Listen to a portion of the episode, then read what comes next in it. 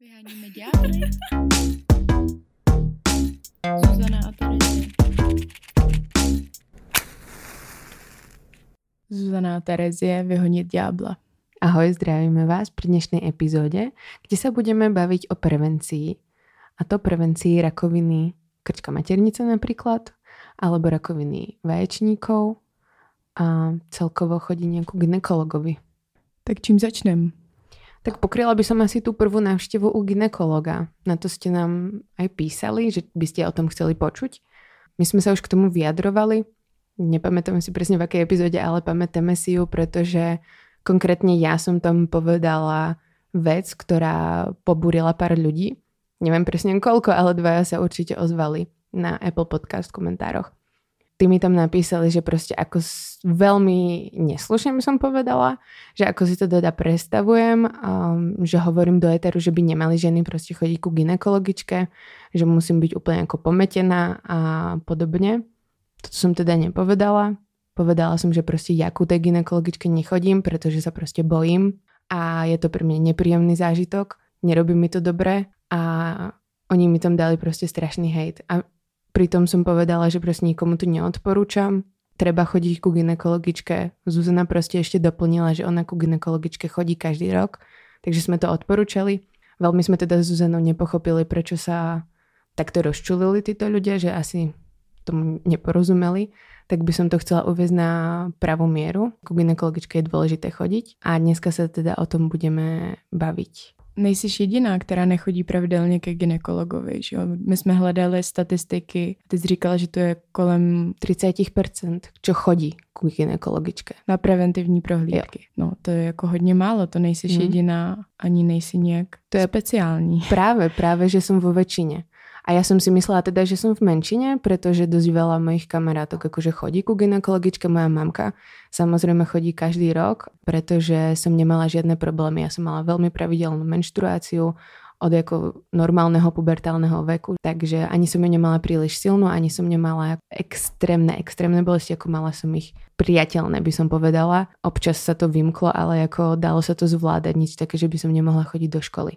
Tohle je dost častý chování, že, nebo přemýšlení, že člověk si myslí, že dokud eh, má pravidelnou menstruaci, dokud se nic tam dole neděje neobvyklýho, tak není nutný ke ginekologovi chodit. Ale potom, když čtete příběhy žen, které třeba tam přišly a zjistili, že nějaký problém mají, tak jsou to dost často ženy, které nepocitovaly žádný problémy, než k tomu ginekologovi šly. Určitě prevence smysl dává.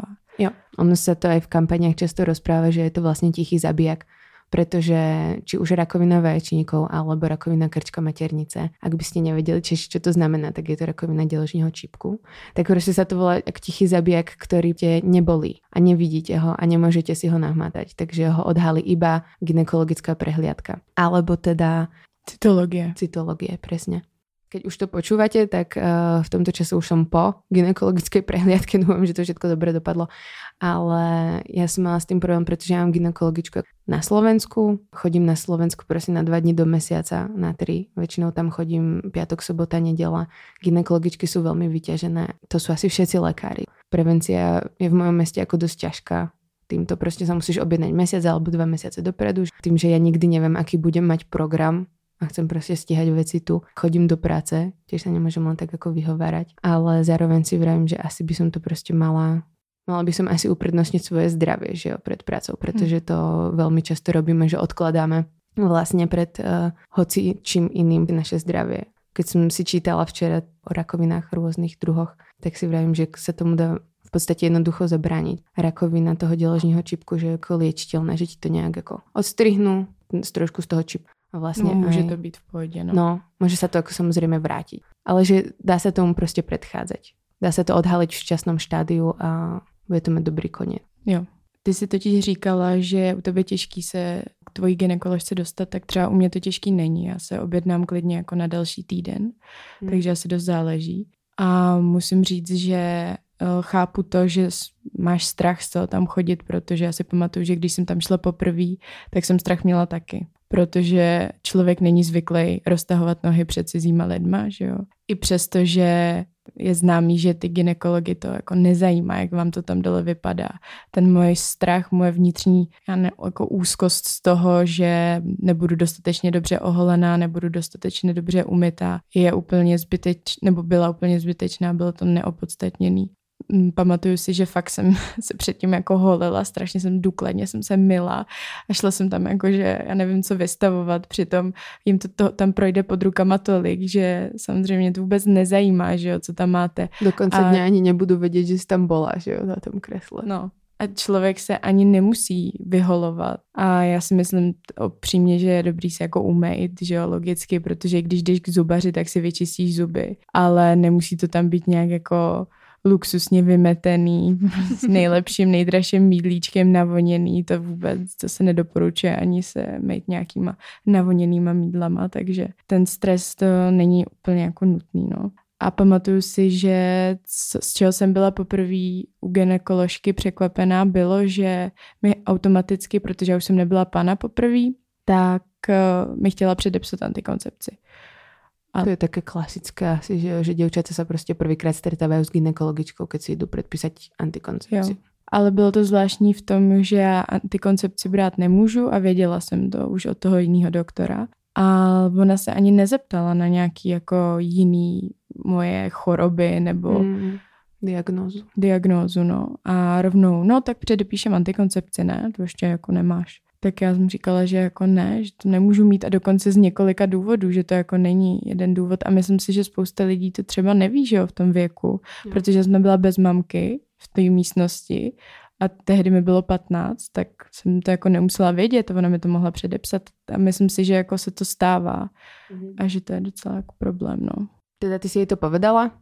Že jako to nemůžeš mít a přijala to ta gynekologička v pohodě, alebo tě do toho tlačila nějak? Ona mi řekla, že mají dneska už jako různý šetrný druhy antikoncepce. Damn. Ať se o tom, že se o tom můžu poradit a že si to můžu ještě rozmyslet. A já jsem si to rozmyslela, takže jsem to nikdy nenechala nasadit. Ne. Jaký jste měla ty poprvé u gynekologa? No já jsem byla taková jako vystrašená, jsem, samozřejmě, ale ja už som bola staršia, uh, už som mala koľko, 20 alebo 19, neviem. S tým, že sa hovorí, že by si mala ísť vlastne ku ginekologičke hneď po prvom styku. Neviem, či je na tom pravdy, či to tak sa robí. Nešla som tam teda, šla som tam až potom. Išla som ku rovnaké ginekologičke ako má moja mamka, pretože to bolo jednoduché, že ho hľadáte, mama je mama s ňou spokojná, tak sme to neriešili, lenže vravela, že je tá ginekologička prísna. Je, je taká, že keď nechodíš na preventívne prehliadky tak, jak máš, tak je na teba nahnevaná. Jakože asi to berie jako zodpovedně a si klepe na čelo, že prostě ty ženy, proč to prostě nerobia. Tak som bola z toho taká, že no teraz bude na mňa prísna, pretože už som tam mala byť, že už sexuálne žijem a bla bla. Jako nebola úplne uh, nadšená z toho, ale zároveň som ma pýtala také otázky napríklad, že a viete, čo je ovulácia? A viete, ako, uh, pretože sa vám pýtala, že no a kedy ste mali posledný krát menštruáciu a kedy vám v ktorý deň začala? A to se ptají okay, vždycky, no. no. A já na prvom jako to nevíš, protože keď si ju nemala před týždňom alebo tak, tak prostě si to nepamätáš, keď si to prostě neznačíš. A já tým, že mám pravidelnou menštruáciu a vlastně ju poznám podle toho, že ma bolia prsia a bolí ma brucho, tak vím, že prostě príď. Tak eh, si to neznačím, ale ona prostě, kedy ste to mali a viete, kedy máte ovuláciu a jaké používate akože antikoncepciu sa pýta na tej prvej prehliadke. Či už bol pohľavný styk, či fajčíte, podobne. Teda. A potom ma teda dala na tú kozu, a nic se nestalo, prostě sa mi tam pozerala, že jo, a...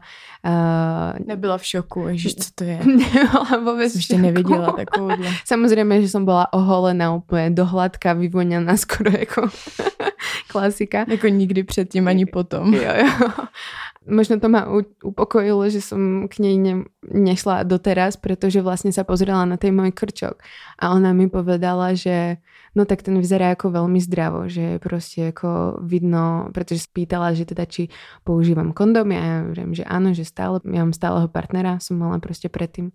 Ona vraví, no to vidno proste, že ten, akože keď používate ten uh, kondom, tak ten čipok je, vyzerá proste zdravšie. Neviem, čo je na tom pravdy, ona mi to tak povedala, ja si vravím, že tak yes, tým pádom proste, že používam kondomy, tak asi je to v pohodičke, nie? Mám stáleho partnera, tak sa tam tie uh, víry nemôžu až tak ľahko dostať, že jo.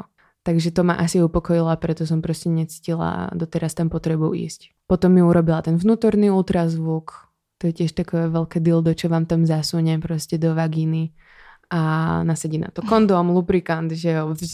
A to je ako v pohode, trošku ukáže vám tam na veľké obrazovke, neviem či u všetkých, ale mne to teda ukazovala proste, ležíte a hore pozeráte na obrazovku a vám vraví, no tak toto je vaša maternica, toto sú proste vaše vaječníky, toto je váš močový mechúr, hovorí vám, koľko tam máte moču.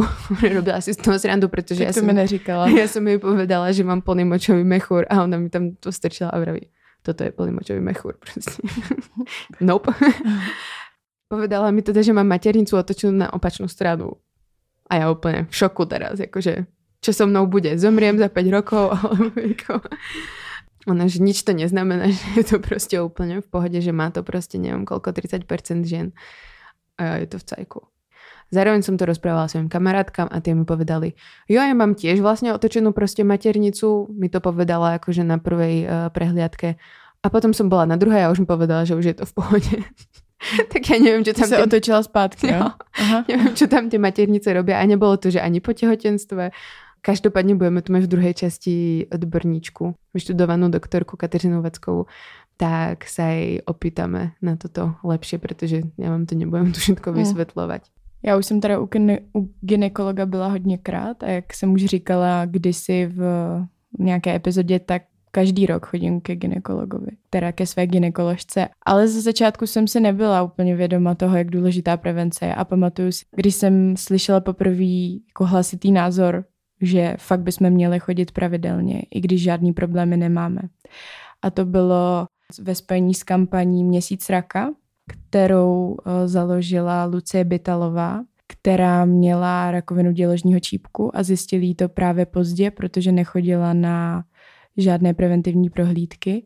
Ona nějakou dobu už začala krvácet, že už měla problémy jako zjevný a až teprve potom šla ke ginekologovi a bohužel jí teda zjistili pokročilé stádium rakoviny. Byla velmi aktivní a potom založila tuhle tu kampaň, eh, skrz kterou upozorňovala na důležitost prevence. Vlastně v tom znaku je takový, ona tomu říkala kundorak, takže je to taková jako vulva, fialová, trošku rak.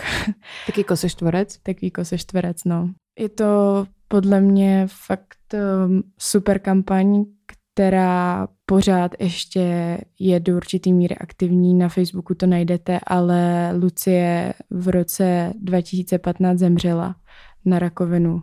Mala iba 27 rokov. Jenom 27 let, no. Ona celou dobu říkala, že lituje toho, že vlastně nechodila na ty preventivní prohlídky mm. a zdůrazňovala fakt tu důležitost. Takže to zdůrazňujeme teď i my, protože mm. přesně jak si říkala, tak je možný už odhalit nějaký změny, které se tam dějí ještě předtím, než to je ta rakovina. A to je právě to hodně důležitý, že přesně v tu chvíli se s tím dá ještě hodně dělat. Pak už je bohužel jako docela pozdě, no. A tyto změny na čipku může způsobovat takzvaný human papillomavirus? HPV. ľudský papilomavírus, ak to preložíme do češtiny. Povieme vám teraz niečo vlastne k tomu, čo sme našli na nejakých akože výskum rakoviny a podobne na nejakých stránkach. Uh, potom nás keď Kateřina opraví. Já jsem na začátek k tomu chtěla říct, že je to vlastně nejčastě, nejčastější pohlavně přenosné onemocnění. My jsme se u nás ve Vyhoně Diabla už bavili o HIV, ale HIV se podle toho, co jsem našla, umístuje až jako na nějakém pátém místě, že první jsou právě tyhle ty uh, papiloma viry, potom je chlamídie, kapa, kapavka, syfilis, až potom je HIV, přičemž bych řekla, že o HIV se mluví teda úplně nejvíc. Teď něco k těm HPV, kterým se budeme věnovat. Já bych povedala, že jsem se stretla jakože s tím HPV prvýkrát u pediatričky, respektíve u ginekologičky, jak tam mali plagáty na očkovanie sa proti HPV. No a som si hovorila, prečo mamka akože nikdy nedala ako očkovať, alebo proste prečo to nejak nikto nenavrhol, pretože sa vlastne dávajú očkovať na to dievčata, ktoré sú ešte panny, že sa vlastne nestretli s tým vírusom predtým, že je tam menšia šanca, že proste už tam je ta prostě nějaký kontakt s ním, by se mohlo dostat například. Ale můžeš se nechat očkovat, i když už pana nejseš. Jo, jo, jo. dělá jo, se to. Jo, jo, jo. Akorát a, je to lepší, no. Jo to, či to teda zabraňujeme prostě tým virom, to asi necháme prostě na odborníkov, to tu nebudeme úplně rozoberať. Každopádně je to tu. Niekde sa to robí, niekde sa to robí viac, niekde sa to robí proste menej. My sme s Zuzanou ani jedna teda neboli očkované. Uh, ja som si občas vravela, že to možno ľutujem, ale zároveň proste nikto mi to veľmi nezdôrazňoval. Ak máte nejaké skúsenosti s týmto očkovaním, tak kľudne sa nám môžete ozvať. Toto očkovanie sa netýka iba ako chlapcov, e, teda iba dievčat, ale týka sa aj chlapcov. Tá infekcia, tie very, ne Jo, jo, ale aj to očkovanie, som to jo. chcela tak premostiť, mm-hmm. vieš čo pretože uh, ten human papilloma virus prenašajú proste chlapci, ale aj chlapcom môže spôsobovať mutácie na genitáliách, respektíve proste nejaké bradavice, ktoré sa im to môžu ako vyskytnúť na penise. Takže HPV postihuje aj devčatá, aj chlapcov. To je taký asi najväčší mýtus, respektíve, ktorý sa s týmto HPV spája, že to je iba proste tá rakovina krčka maternice s tým spojená. Mm. Pritom je s tým spojené napríklad aj genitálne bradavice aj u žien alebo proste rôzne iné onemocnenia na vulve aj, na vagi- aj vo vagíne. A za život se s HPV setká 80% žen, mm. takže je to jako velká část nás, ale vě, u většiny žen se to nějak neprojeví, protože ta, ten imunitní systém si s tím poradí, ale u některých žen to právě může způsobit komplikace. Jo nejaké zdroje, tie čísla nebudú proste nikdy ako úplne 100% presné, ale uvádzajú, že vlastne do 35. roku života sa z HPV alebo prekoná HPV dve z troch žien sa s tým proste stretnú, že to mali a vy o tom ani nemusíte vedieť, pretože si s tým váš imunitný systém poradí. Vie ženy, ktoré sú náchylnejšie na tú rakovinu deložního čípka kvôli tomu vírusu HPV, tak sú ženy s zniženou imunitou alebo ženy, ktoré fajčia alebo prostě ženy, které se zle strávují. No těch druhů uh, papilomavirů je hrozně moc. Je to přes 100 různých typů a některý jsou víc nebezpečný než jiný. Já jsem si našla, že HPV 1618 patří mezi ty uh, nejrizik- mm. jedni nej- jsou to jedni z nejrizikovějších virů. Právě tyhle viry můžou vytvořit rakovinu děložního čípku. Karcinom, no, děložního čípku. Já jsem si našla, že rakovina děložního čípku patří k nejčastějším onemocněním u žen, nebo jako rakovinovým onemocněním, ale ty zdroje se hodně lišily v tom, na jakém místě se to teda umistuje. Všechny označily rakovinu prsu jako nejčastější úplně, mm. ale potom na druhém místě se umístila rakovina tlustého střeva, na třetím místě rakovina plic a až na čtvrtém děložní čípek a nebo byl na třetím nebo na druhém. Mm-hmm. Takže nevíme, ale každopádně je to a velmi to časté. Jako u žen jenom? U žen, jo. Mm. Jo, já jsem si těž našla nějaký zdroj, že rakovina děložního, ale hrdla, tak je čtvrté nejčastější on- onkologické onemocnění žen. Nebavili jsme se o tom, jakým způsobem se prenášají. No, my jsme se o tom bavili totiž před epizodou, takže už se mi to mate. Přenáší se pohlavním stykem, ale přena, přenáší se i nějakým pettingem, když se otíráte eh, penisem vo vulvu. A přenáší se i orálním sexem. Ale pokud používáte kondomy, tak eh, se to riziko snižuje. Mm-hmm. Ešte by som takú jednu zaujímavosť chcela povedať, že to, či sa rakovina vyvinie alebo nie u vás, tak to je dané súhrou proste rôznych okolností. Je často tento vývoj skrytý tej rakoviny a môže trvať akože až 15 rokov alebo proste 10, že to trvá fakt dlho, kým na to prídete. Fakt sú na to ako tie preventívne prehliadky sú na to najlepšie. Či už proste na toto, alebo už uh, na rakovinu vaječníkov napríklad sa tak vraví, že proste tak tá rakovina vaječníkov, tak to je už tých starších žien alebo tak a tie zdroje tu uvádzajú, ale ako je tam percento aj mladých žien, ktoré na to môžu ochorieť. Napríklad Majda Fajtová dobrý článok napísala o tom, že vlastne sa ocitla na onko oddelení a boli tam vlastne staršie ženy a pozerali na ňu veľmi divne, že čo tam proste robí taká mladá baba prišla dovnútra ku ginekologovi. Ten sa jej opýtal, že ako ste na to vlastne prišli teda k tomu onkologickému. A ona vraví, no na preventívnej prehliadke som proste bola. Mm. Že vlastne tam šla a bola tam fakt ako v našom veku 27, ne, 28, nevyhýba sa nám to. A my jsme moc rádi, že této epizodě s námi bude Kateřina Vacková z organizace Luno, o který jste už dost možná slyšeli, protože jsou známí a zabývají se prevencí. Existují teda už 6 rokov a vytvorili vlastně tři už veľké kampane alebo aj workshopy pre školy, verejnosť, firmy a jedna z nich je prsa koule a to yes. je prevence na rakovinu prsu, že jo, o šahání si prostě pravidelně na prsia a na koule. Potom uh, žiješ srdcem, to je prevence kardiovaskulárních onemocnění a nezabúdajme vlastne na Dole Dobrý. Táto kampaň je zameraná na reprodukčné zdravie a rieši sexuálně prenosné choroby, sexuální dysfunkce, neplodnosť a inkontinenci. A my se budeme s Kateřinou bavit o jejím příběhu, ale celkově i o Lunu a o tom, co oni vlastně dělají mm-hmm. a co, by mu, co vám můžou nabídnout a s čím vám můžou pomoct. Jo.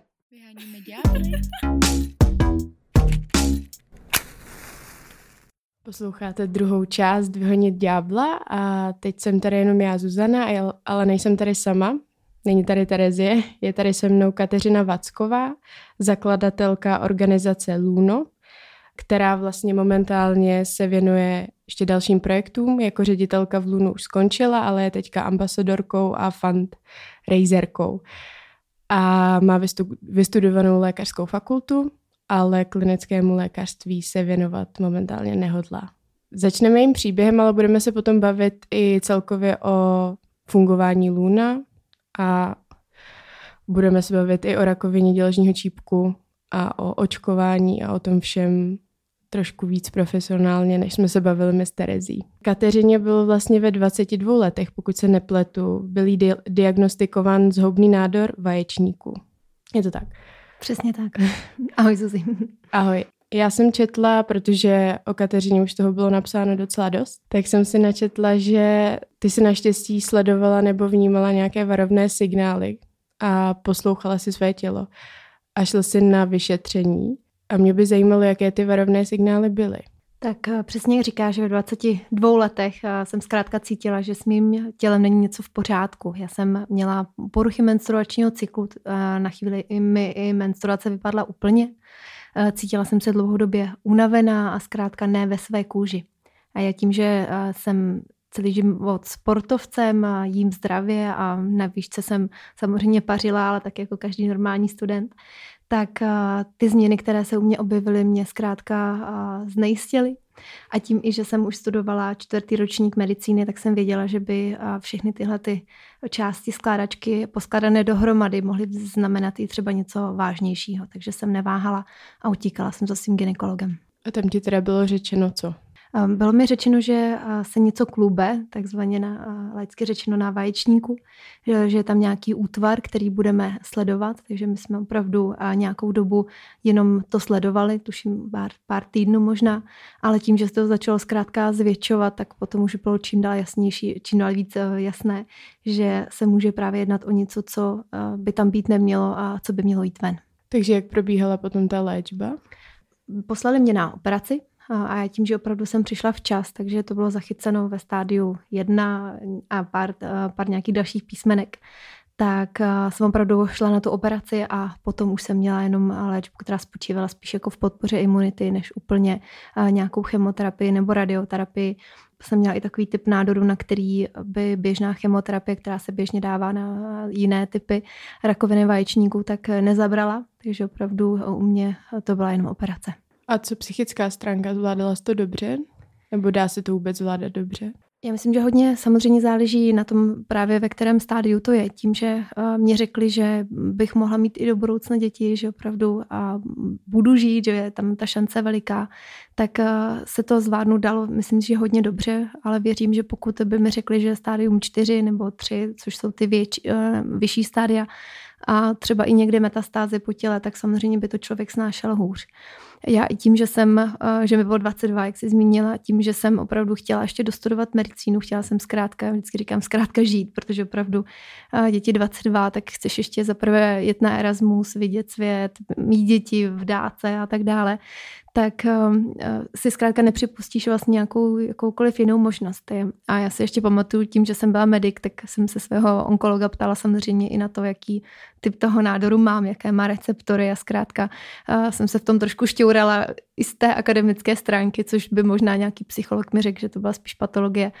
A právě to jako odstínění toho, toho traumatu z toho, ale takhle zpětně zkrátka jsem to brala tak, že se to stalo a že musím dělat všechno pro to, aby už se to nevrátilo zpátky. Takže se mi i trošičku potom proměnil, si myslím, a ještě trošku víc životní styl směrem k tomu, abych si na to dávala pozor, abych právě žila zdravěji. Tak jaký vlastně byly ty následky nebo důsledky? Že ty teda máš jeden vaječník mm-hmm. A co to znamená pro člověka? Upřímně vlastně nakonec nic. Já jsem se toho mm. jako bála, že přesně budu mít menstruaci jenom každý druhý měsíc, nebo jak to vlastně bude. Já ještě nemám děti, takže doufám, že ani to to neovlivní, ale zatím všechno nasvědčuje tomu, že by to neměl být problém, že opravdu mám pravidel, pravidelně měsíčky, mám v pořádku hladiny hormonů, ovulaci mám taky, takže vlastně jako stran té plodnosti, což je to nejdůležitější, je všechno v pořádku. Stejně tak eh, ty hormony jsou důležité pro to, abych měla zdravé kosti, a vlastně estrogeny chrání ženu do přechodu i před, eh, nebo snižují riziko kardiovaskulárního onemocnění, takže i tam jsem ráda, že eh, zkrátka to všechno funguje dobře, protože eh, pokud bych přišla třeba o oba vajíčníky, tak ta hladina estrogenu opravdu klesne hodně a může začít řídnutí kostí, vypadávání vlasů a zkrátka přechod, tak jak ho znáte u svých asi maminek mm-hmm. toho 50. roku věku. A jak dlouho to trvalo od té doby, kdy ti to bylo diagnostikováno, do doby, kdy jsi zjistila, že teda už je to uzavřený. Přímě takhle zpětně, když si vzpomenu, tak eh, já jsem poprvé byla třeba u toho ginekologa, tuším, je to opravdu jako docela už dlouho zpátky, tak eh, jestli třeba v říjnu, na operaci jsem byla v listopadu, a potom, řekněme třeba do jara dalšího roku už si myslím, že bylo všechno zažehnáno, ale ono opravdu s těmi onkologickými onemocněními zatím úplně nezavřeš nikdy dveře, mm-hmm. že mhm. chodíš každé tři měsíce na kontrolu, pořád se tam s tou onkologickou eh, průkazkou vracíš, sedíš v té čekárně, tak občas eh, se mi to právě, já na to nemyslím v průběhu běžného dne, ale právě když třeba sedím v té čekárně a koukám na to, kolikrát už jsem tam na té kontrole byla, tak eh, je, je to fajn si vlastně zase jako říct, že to jako má pro tebe i takový jako filozofický náboj toho, že si zase zpátky vrátíš k tomu, že by si teda neměla spěchat, takže zkrátka je, je potřeba žít i jako psychicky trošku jinak. Protože myslím si, že spousta lidí, co mají za sebou rakovinu a vyléčí se, tak pak eh, můžou sklouznout zpátky k tomu denodennímu spěchu a tak dále. A, a myslím si, že občas potřeba se zabrzdit a říct si, že zkrátka zdraví je to nejdůležitější a že kvůli ostatním věcem se v životě zkrátka nemá smysl stresovat. Hmm. Takže dá se říct, že tě to někam posunulo. Určitě já um, myslím si, že právě jako v těch denodenních věcech eh, se rozčiluju při řízení jako každý ostatní uh, nebo každý jiný člověk, ale v těch větších životních rozhodnutích si myslím, že mě to ovlivňuje hodně. Tím, že uh, jsem chtěla jít ještě na, na ty Erasmy, tak uh, jsem zkrátka si rozložila školu a posunula jsem si ji o rok a jela jsem, protože jsem věděla, že o to zkrátka jako v životě nechci přijít a, a stejně tak, když jsem se rozhodovala, jestli budu dělat medicínu nebo jestli se najdu práci v nějaké korporaci nebo jestli budu dál dělat Luno a osvětové projekty, tak jsem zkrátka následovala to, kde jsou moje silné stránky, co mě nejvíc baví a, a nechci se nutit do něčeho, co by mě třeba až tolik nebavilo nebo vyčerpávalo, protože zkrátka nevím, jak dlouho tady můžu být a mm. myslím si, že tomhle to mě to ovlivnilo hodně vlastně i ten krok, že si že už nejsi ředitelkou Luna, ale že jsi rozhodla být ambasádorkou nebo i fundraiserkou, tak to asi vypovídá o tom, že jsi rozhodla, že prostě dáš přednost nějaký svojí mentální hygieně nebo psychické pohodě. Ono určitě i ta moje role je občas eh, stresová, ale um, jak jsem zmínila, kde jsou ty moje silné stránky, tak já hmm. jsem spíš takový jako začínač a, a kreativec a baví mě vyvíjet ty nové kampaně a baví mě se bavit s lidmi a, a vystupovat na veřejnosti víc než uh, právě denodenní řízení. Na to uh, jsme si uh, pořídili, v vozovkách pořídili úžasnou, uh, úžasnou Blanku Zikmundovou, která právě má ty silné stránky v tom uh, řízení, organizovanosti. Já jsem mnohem větší chaotik v tomhle, takže myslím si, že to sedlo suprově a já se právě těším na rozjezd nějakého dalšího projektu, protože tam právě vím, že, že mě to bude bavit. Když se ještě vrátím na chvilku k té tvý zkušenosti, tak já jsem si přečetla, že tobě ten nádor byl diagnostikován na prohlídce, na kterou si šla, protože si právě cítila, že je něco v nepohodě, ale nebyla to pre- preventivní prohlídka, na který si chodila. A na té preventivní si byla vlastně tři měsíce předtím, než si šla na tuhle, kde ti bylo zjištěno, že je něco v nepohodě. Čím to bylo? Já jsem asi možná byla jedna z těch méně šťastných, které zkrátka ten nádor začal růst v mezičase. To se samozřejmě může stát. A není to určitě argumentem, proč byste na ty preventivky chodit neměli.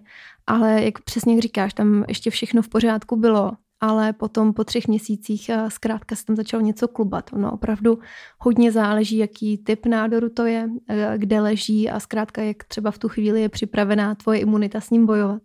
To bohužel takhle bylo. I z toho důvodu se asi zabýváte v Lunu prevencí. Je to jedna z hlavních náplní činnosti organizace, ale zabýváte se prevencí nejen co se týče pravidelných preventivních prohlídek u gynekologa, u ginekoložky nebo ginekologa, ale řešíte taky nějaké sebe prohmatávání. A co mě zaujalo je, že vlastně první vaše kampaň, pokud se nepletu, byl eh, hashtag prsa koule, kde jste řešili zejména teda rakovinu varlat a rakovinu prsou. A čím to bylo, že se zaměřila na začátku na tohle, když vlastně měla trochu jinou zkušenost? My jsme eh, upřímně řečeno ty vaječníky v té kampani řešili od začátku, řešíme dodnes. Ten název prsa koule je spíš marketingovým eh, názvem, ale v těch workshopech my eh, mluvíme i o rakovině kůže, rakovině střeva, rakovině dělohy a prostaty a dalších.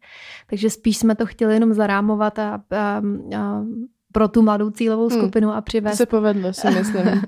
a vlastně i skrze ně právě jejich rodiče, protože hmm. opravdu, eh, když něco ti kážou tvoji rodiče, tak je méně posloucháš, než když vlastně eh, děti rodí svým rodičům, jak být cool a koupit si tričko prsa cool a vyšetřit si prsa.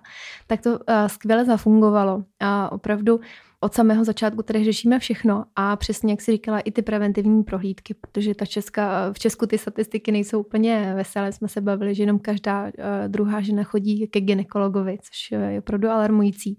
Takže jsme začali i s tím.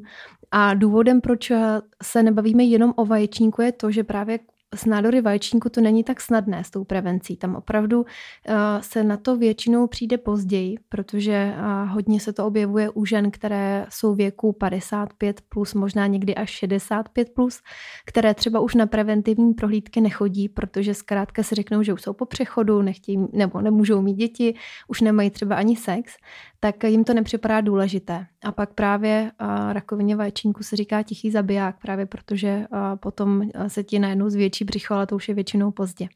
Takže u mladých jsem byla výjimka, moje máma vždycky říká, že musím být něco extra. Mm-hmm. Uh, tak bylo to i tady, že opravdu jako moc mladých žen rakovinu vaječníku nemývá.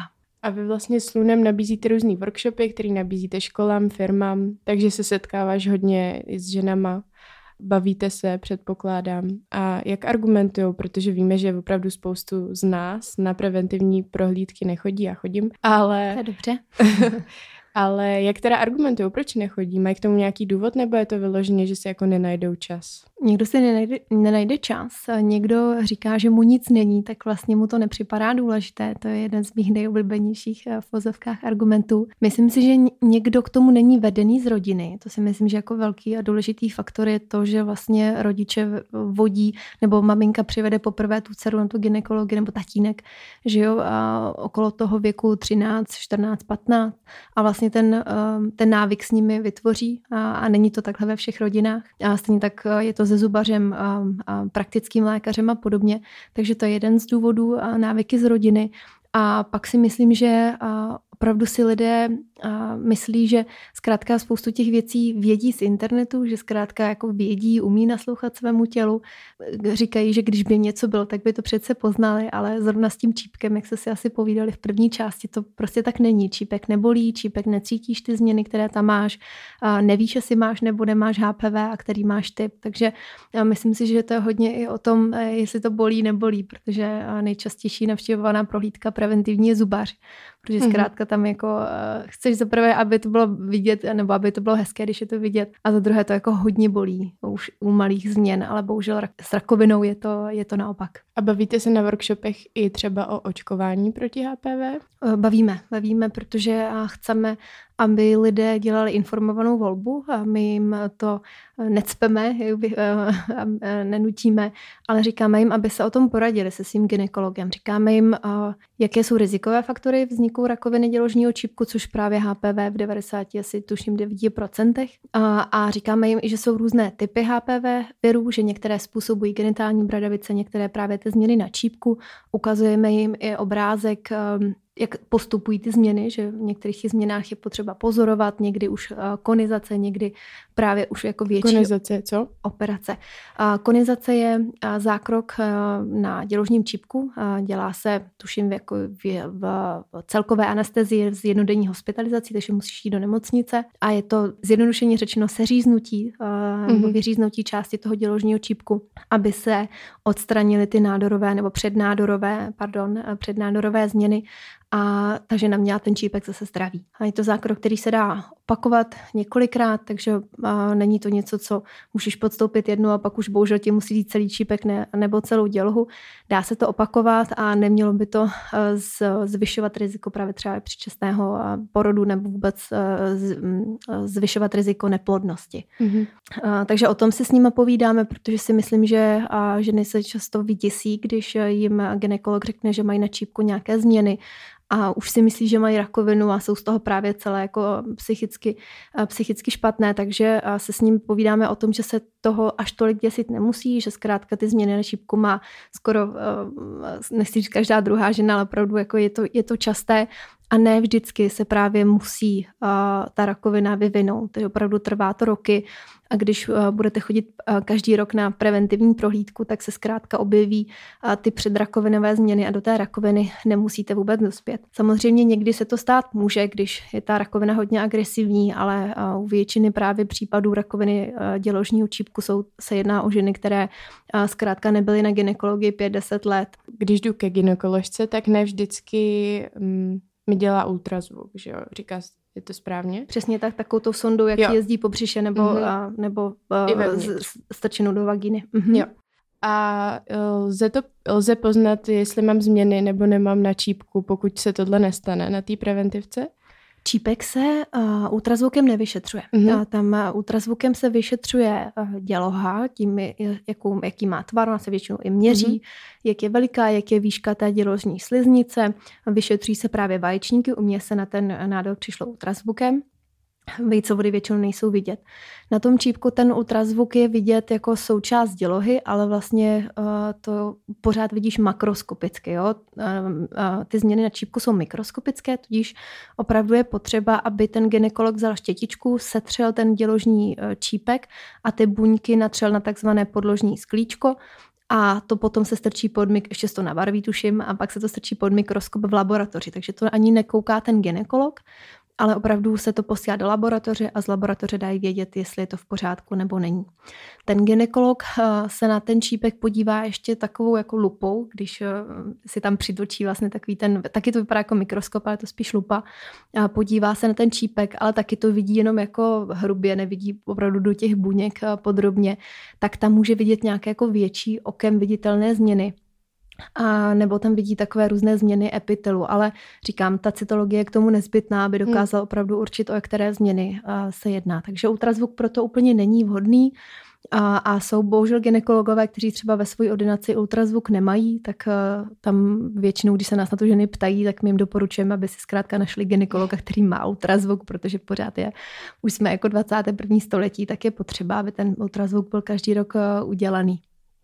Z mojí zkušenosti ne na každý preventivní prohlídce um, je mi setřen, teda ten, setřen ten vzorek a je to posláno na cytologii.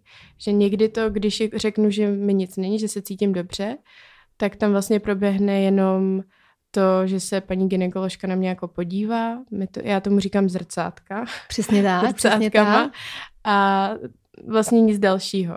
Tak pokud je takováhle prohlídka, tak dá se jako zjistit, nějaký, nějak možnost nějakého jako onemocnění. A není možný, že vlastně by si to jenom nespozorovala, protože ono opravdu občas to proběhne tak, že oni to udělají jako šup šup. A je to i v rámci toho oficiálního screeningového programu cervikálního karcinomu rakoviny děložního čípku i na cervix.cz si můžete přečíst víc informací a opravdu jednou za rok je to hrazené zdravotního pojištění, takže toho ginekologa to nic, ne, jako nic nestojí, ale opravdu jakoby je mu to uh, proplaceno, měl by to dělat a většina ginekologů to opravdu dělá, protože ten, ten cervikální screening je v Česku jako hodně rozšířený, těch laboratoří je hodně, takže opravdu je to něco, co by probíhat mělo.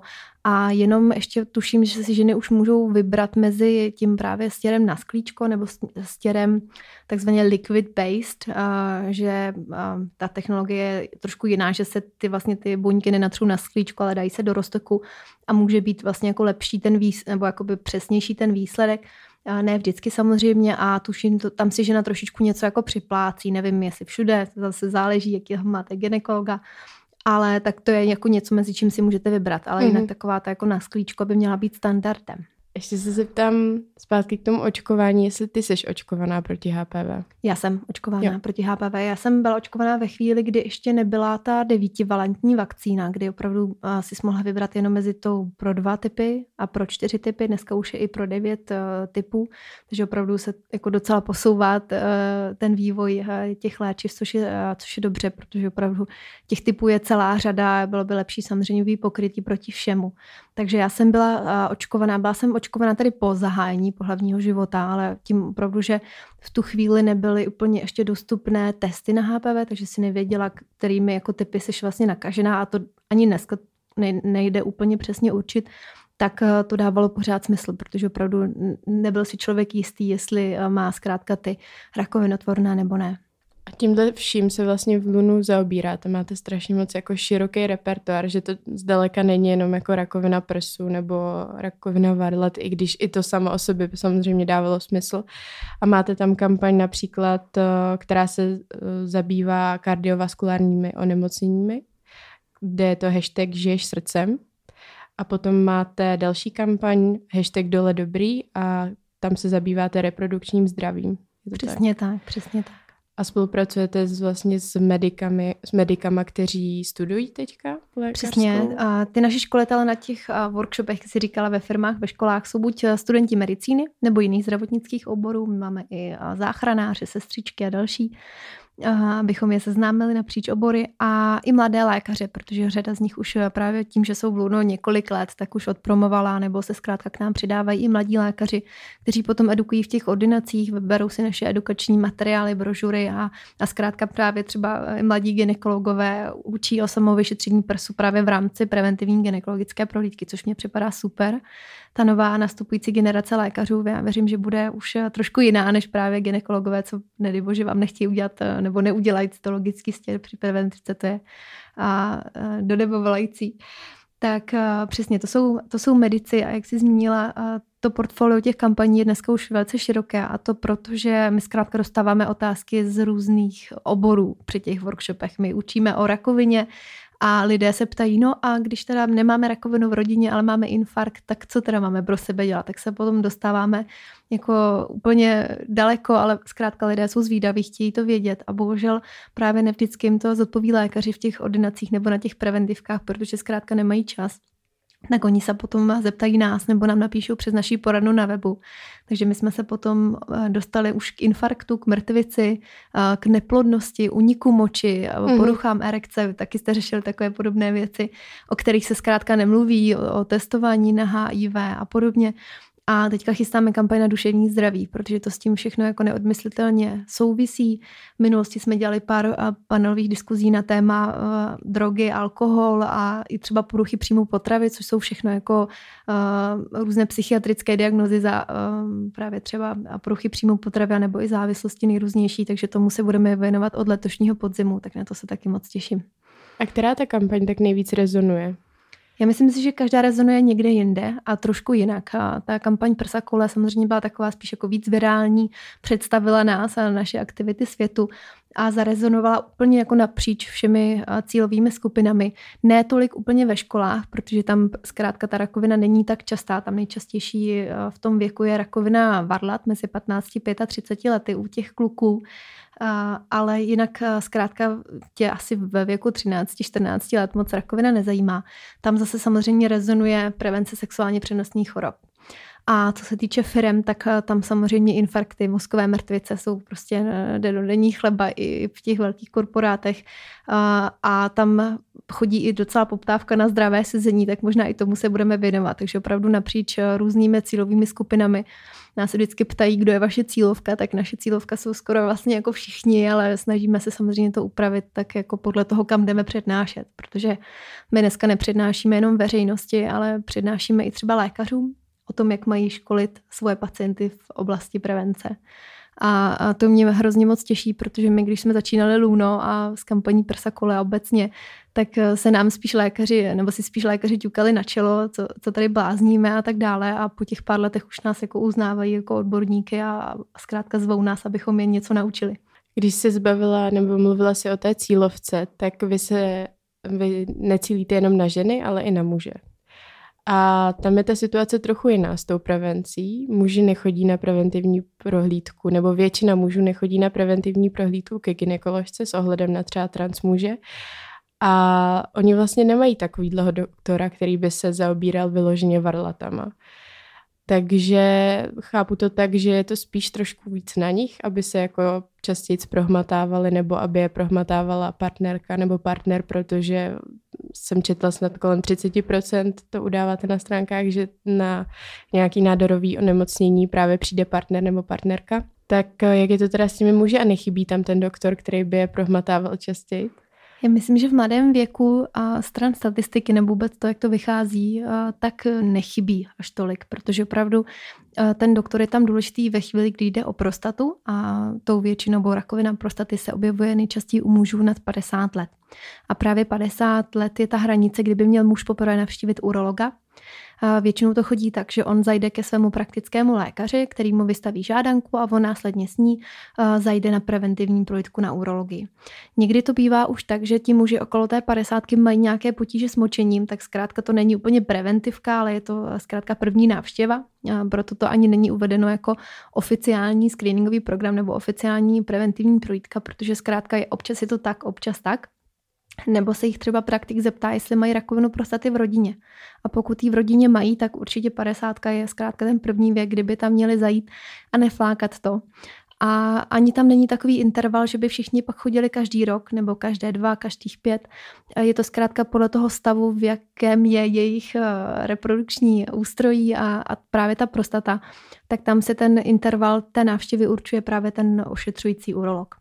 A muži potom v mladším věku mezi, jak jsem zmínila, 15 až 35, tak ti jsou opravdu nejvíc ohrožení rakovinou varlat. A upřímně řečeno, i kdybyste vlastně dělali ultrazvuk varlat každý rok těmto mužům, tak bohužel ani tu rakovinu varlat nemusíte zachytit, protože je to taky hodně rychle rostoucí nádor.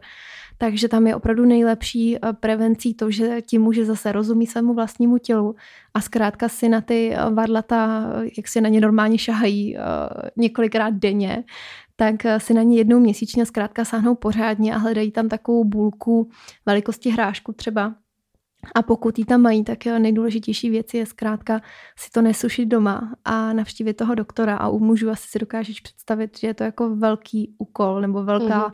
velká, nebo velká, velká věc, zkrátka jako s, s něčím ve varlatech přijít. Jo. Ono je to hodně dobře léčitelný nádor, ale pořád tady um, víc než 50 kluků ročně na to zemře protože právě třeba mají tam jako tu bůlku měsíc, dva, tři a, a zkrátka to stále jako roste. Takže um, pokud nás dneska poslouchají nějaký kluci nebo holky, prosím, říte to svým klukům a vyšetřete jim varlata, protože opravdu právě je to nejčastější u těch, těch mladých kluků. Sebe vyšetřují teda muži sami sebe a ženy dělají to, nebo je to spíš něco, do čeho pořád musí být jako motivovaní? Já si myslím, že musí být motivování, musíme jim to připomínat a my jsme stále jako na začátku. My opravdu víme, že ta mise v Luno není uh, jako kampaňová. Myslím, že spousta lidí nás tak na začátku viděli, že tak je tady nějaká hurá kampaň, která prostě za tři měsíce skončí a pak zase ticho po pěšině. My jsme to tak nikdy neměli. My jsme jenom to tak chtěli odpálit, jak se říká, ale zkrátka víme, že ta edukace tady bude muset probíhat, proto my dlouhodobě tu organizaci stavíme, aby byla stabilní, aby rostla, aby se otevíraly pobočky na dalších zdravotnických školách po republice a aby se zkrátka prsa koule staly pojmem toho, co se bude jednou učit ve školách, protože my máme i Vlastně jeden z cílů je do budoucna změna školních osnov, tak aby se nastavilo to vzdělávání v oblasti prevence pro 21. století. Hmm. A, a ta výuka byla prostě interaktivnější a aby prostě už se zkrátka nediskutovalo to, jestli můžeme nebo nemůžeme učit děti nasazovat kondomy, protože pořád jsou školy, které to zakazují, které to nechtějí dělat a pořád a pak nám jako nemají stoupat jako počet sexuálně přenosných chorob. No, to je vlastně taky taková věc, o které jsme se bavili s Terezí, kde jsme se snažili, nebo my jsme kondomový holky, obě používáme kondomy pořád celý život i se svými stálými partnery. Bavili jsme se o tom, že kondomy napomáhají tomu právě, aby jsme měli zdraví spotky a reprodukční zdraví zachovat. Otázka je, jestli je teda pravda, že kondomy opravdu dokáží zabránit přenosu pohlavně přenosných chorob v takové míře, jako se o tom mluví. Já myslím, že ano, ale je tam eh, strašně moc důležitý je používat správně. My jsme, eh, já jsem tomu nevěřila, nebo eh, my, když jsme, než jsme vyrazili do terénu, tak jsme si naivně mysleli, že všichni umí používat kondomy, že to zkrátka tak jasná věc. A ona to tak jasná věc opravdu není. A spousta lidí má za sebou příhodu, když si ten kondom nasadila obráceně. A spousta lidí, kteří mávili ruku nad tím, když ten kondom prasknul. A strašně moc lidí používá ty kondomy ze střední, který mají v peněžence 10 let a, a prostě po expiraci. Častokrát tam expirace už ani není napsaná, jak je to ošoupaný. A častokrát nosí lidi zkrátka kondom v kapse společně s klíčema a, a penězma a podobně. Takže my vlastně jako jedna věc je, že učíme nasazovat kondomy a vůbec jako šíříme povědomí o tom, že by je lidé měli používat což je jako samo o sobě obrovská práce, protože tady si lidé zkrátka pořád žijí, a nechci říct jenom tady v Česku, ale já mám zkušenost i z Ameriky, tak tam pořád eh, žijí v, v tom, že zkrátka, když toho člověka znáte, tak eh, prostě mu věříte. A ne, eh, přece jako my normální lidi v vozovkách, normální lidi, co chodíme do práce a tak, tak přece nemůžeme mít HIV a podobně. To jsou zkrátka argumenty. Tak to je jedna věc, kterou musíme tady porazit. A druhá věc je to, že zkrátka musíme ty lidi naučit je používat správně. Že opravdu podívat se na expiraci, neotevírat kondomy zubama, nepoužívat olejový lubrikant a podobně. A můžeme to omílat dokola a dokola. A to je i právě něco, co nám častokrát učitelky zakážou a v té škole rozebírat, protože jim to připadá vulgární a jen tak tak nás nechají ten kondom nasadit, ale pak, aby jsme těm dětem vysvětlili, jak ho správně používat a skladovat, tak na to už potom prostor není. Tak tohle a spoustu dalších věcí se dozvíte na stránkách Luno. Můžete si, můžou si objednat workshopy, když by měl někdo zájem. Přesně tak, do firm, do škol a můžou určitě, nebo my pořádáme workshopy i veřejné, takže můžete přes kalendář na našem Facebooku přijít, anebo si i třeba pustit stream, nebo přijít na nějakou panelovou diskuzi, protože právě třeba na téma čípek nebo očkování budeme určitě na podzim pořádat řadu panelové, kde budeme zvát přední české odborníky, kteří budou diskutovat a odpovídat na vaše otázky, takže určitě můžete i na to. A máte i podcast. A máme i podcast, přesně takže tak. Takže to můžete poslouchat. Čípek bude, bude taky live brzy. Tak já moc děkuji, že jsi přišla do Vyhonit ďábla. Já moc taky děkuji za pozvání. neodradil náš kontroverzní název. Ne, mně to přijde fakt super a myslím si, že my, a u nás to rezonuje právě tím, že my se taky snažíme bořit tabu, otevírat ať už témata rakoviny, protože my, když jsme, nebo právě kondomů, my, když jsme před těmi šesti lety začínali, tak opravdu rakovina byla ještě tabu. Já ten posun jako vidím, že dneska už se o tom lidi zkrátka baví trošičku víc. Mm-hmm. A já věřím, že i my jsme k tomu přispěli a že do budoucna právě společnýma silama otevřeme i téma právě třeba uniku moči.